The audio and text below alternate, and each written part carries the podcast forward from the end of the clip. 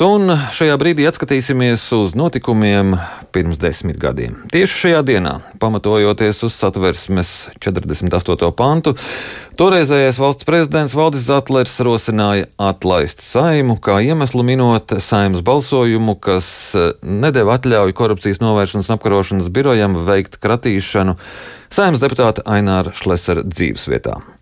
Vai bija vērts to darīt? Par to šajā brīdī runāsim ar Valdi Zatleru. Labrīt, Zatler kungs! Labrīt!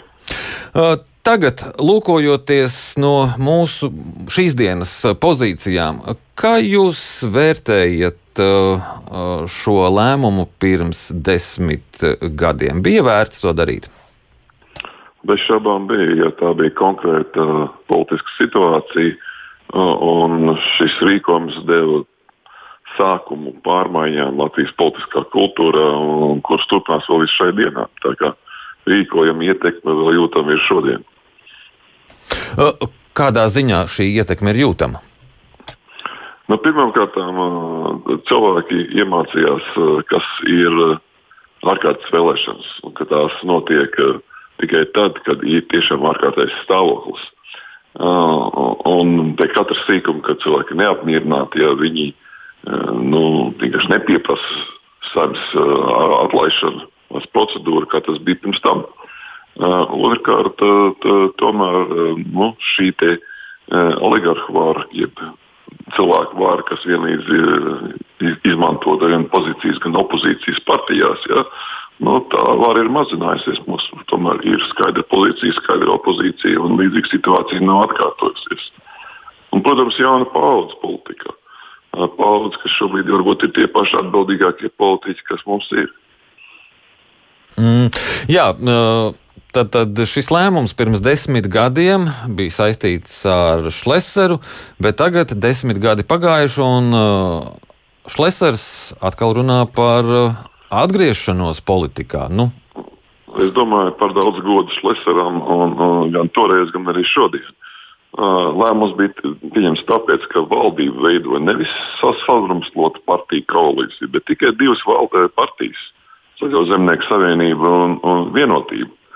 Un tajā pašā laikā balsojumi notika gan opozīcijas atbalstam, zaļā zemnieki to darīja, gan, gan valdības atbalstam, ka viņiem tas bija izdevīgi. Pats sakot, viņi spēlēja gan uh, politisko lomu, gan opozīcijā, gan pozīcijā. Uh, Un tā vairs nebija partija vara tajā tā brīdī, tā bija tiešām oligarhu vara. Šobrīd tādas situācijas nav. Un uh, arī jebkura atgriešanās politikā praktiski nu, nu, tas ir tāds naiva cerība. Realtātē tas parasti nenotiek. Jā, tad jūs esat pārliecināts, ka Šlesera kungam neizdosies uh, atgriezties uh, saimā? Katrā ziņā, lai iegūtu kaut kādu būtisku ietekmi, noteikti nē. Bet uh, toreiz pēc saimnes atlaišanas uh, jūs sākāt veidot savu partiju. Vai to bija darīt vērts? Uh, tas bija šo notikumu viļņa sākums. Jā. Tad cilvēki, kas nobalsoja par saimnes atlaišanu, reizē bija gatavi balsot par jaunu politisko spēku. Lai gan man skaidri jāatzīst šobrīd, ka tas bija politiskais spēks, kas veidojās uz uh, protestētāju balstīm, un arī paši dalībnieki nebūtu ne visi bija e, tādi nu, pragmatiski pieredzējuši politiķi, bet e, daudz kas e, nu, cerēja, ka, kad iekļūstot saimā, viņi kļūs par svarīgiem cilvēkiem.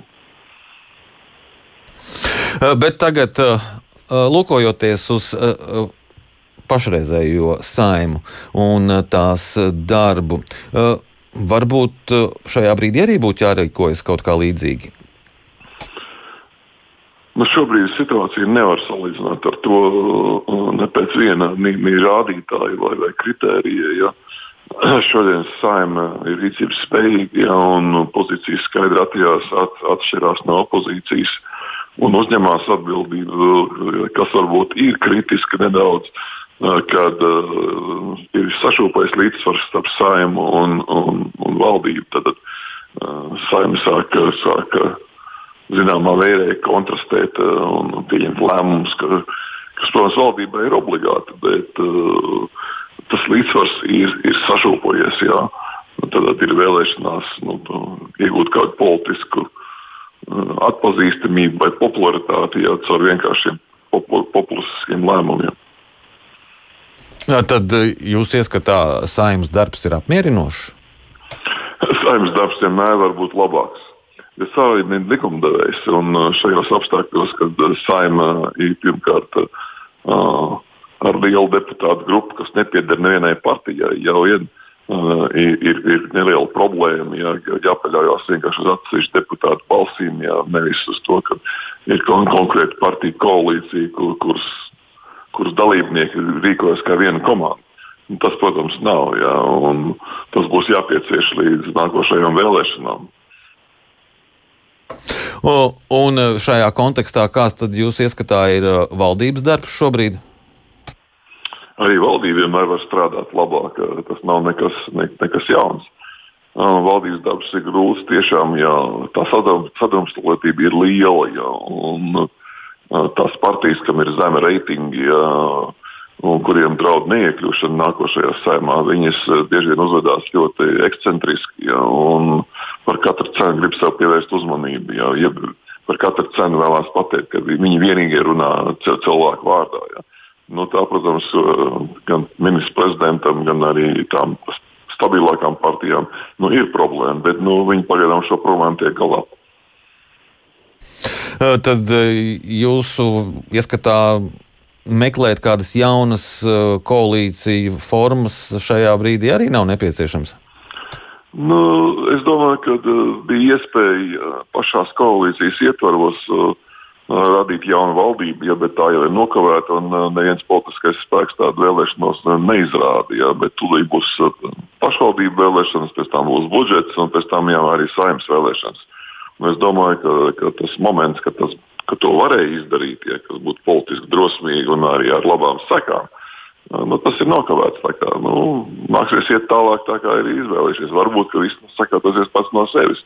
Nu, bet, diemžēl, vēsturiskā pieredze rāda, ka pats no sevis nekas nesakārtojas. Nu, Cilvēkiem jā, ir jāpieņem lēmumi. Bet, bet, bet, ja jau pats no sevis nekas nesakārtosies, un tagad uh, vēl gadu notiks muļāšanās, tad varbūt ir vērts atlaist parlamentu, lai cerībā, ka nebūs gadu muļāšanās parlamentu var, var atlaist un radīt jaunas ārkārtas vēlēšanas tikai tad, ja ir parlamentārā krīze. Šobrīd viņas nav. Parlaments strādā neskatoties uz to, ka strādā attālināti, neskatoties uz to, ka ir liela grupa ja, pie partijām nepiedarošu deputātu. Nu, tāda ir realitāte. Nu. Nosaukt to tā, tikai par muļāšanos nu, būtu par maz. Nu ir pārlieka centība brīžiem jā, darīt lietas, kas izstāsta skaisti, jā, bet varbūt ne, nemaz nav jā, tik liela praktisko atdevi jā, sabiedrības labā. Nu, bet, lūkojamies, tagad mums uh, ir vajadzīgs ekonomikas ministrs. Ko mēs dzirdam? Mums piedāvā pie partijām nepiedarojušu cilvēku, Šmīdras kungu. Nu, visu cieņu, bet uh, kas tā, kas tā pa tādu tendenci tagad uh, virzīt nepolitisku personu, kurām nav nekādas politiskās atbildības? Nu, pirmkārt, tām partijām, kam trūkst kadru, vienmēr ir bijis raksturīgi piesaistīt pils, e, cilvēkus no ārpus partijas. Visbiežākā rezerve parasti bija nu, kāds ierēdnis, ja valsts sekretārs ja, ar, ar, ar zinām, ierēģiņu pieredzi, kur ātri pār, pārvērt par politiķi. Ja. Uh, tas nav nekas jauns. Un uh, piesaistīt cilvēku, kas nav uh, vienas partijas biedrs, nu, partijām, kam trūkst kadra, tas, tas, tas ir normāli. Ja? Viņi cenšas varbūt parādīt, ka viņi varētu būt spēcīgāki nekā viņi ir. Nu. Un tas var būt viņa izdzīvošanas jautājums. Bet eh, politika ir daudz sarežģītāka, ne tik vienkāršota, kā mēs šobrīd runājam. Kādā ziņā? Tāpēc, ka katrai politiskai partijai ir savas intereses un bieži vien šīs te, uh, nu, arī ministra maiņas vai, vai ministra piedāvājumi ir tādas sīkas politiskas spēlītes, kuras varbūt tas cilvēks, kas, kas tiek piedāvāts šim amatam, jā, varbūt pat nemaz nezina. Jā. Bet vēlētāji atmiņa, ja mēs runājam par teiksim, gaidāmajām vēlēšanām, Cik lielā mērā cilvēki piedod tiem politiķiem, kas ir rīkojušies uh, negodprātīgi, uh, kuri ir uh, turēti aizdomās korupcijas jautājumos un tā tālāk? Vai tā atmiņa nav pārāk īsa? Es domāju, ka nākošajās vēlēšanās tā lielākā intriga būs uh, sacensības starp jau valdībā esošiem un, un zināmiem populistiem un valdībā nesošiem nezināmiem populistiem. Uh, tas būs tas riska moments. Ja. Kā šo riska momentu vadīs ja, un sev par labu vērsīs partijas, kas ir daudz stabilākas. Ja. Tas pagaidām ir jautājums un, un diezgan liela tēma partiju pārdomām, ja, analīzei ja, un arī lēmumu pieņemšanai. Tad jūs prognozējat, pieļaujat, ka nākamajā sasaukumā mums būs daudz lielāks populistu skaits saimā? Es, es domāju, ka, ka lielāks vai mazāks nav jautājums, ja vienīgais kāda viņi būs. Jā. Jo tas, kāda būs saima, to varēs redzēt pēc jaunā gada, kad reāli sāksies politiskā cīņa par, par saimnes vēlēšanu rezultātiem. Līdz jaunam gadam mēs vēl neko nemanīsim, bet nu, tad, tad tiešām mēs redzēsim, vai populismu popularitāte vēlētājos ir pietiekami augsta vai viņi nav neko, iemācījušies neko, vai ir iemācījušies ja, no iepriekšējām vēlēšanām. Bet eh, šī, šī, šis pieaugušais atbalsts populistiem, nu, tur nav zināma vaina arī pašreizējām, tad, sauksim tā, nopietnējām partijām. Nu, politiskā sistēma ir vienots vesels, ja, un, un katrai partijai tur ir kāda sava loma, ja, un to vidi vai to partijas sistēmas tēlu jau veido visas partijas, ne jau tikai populistiskās partijas. Ja.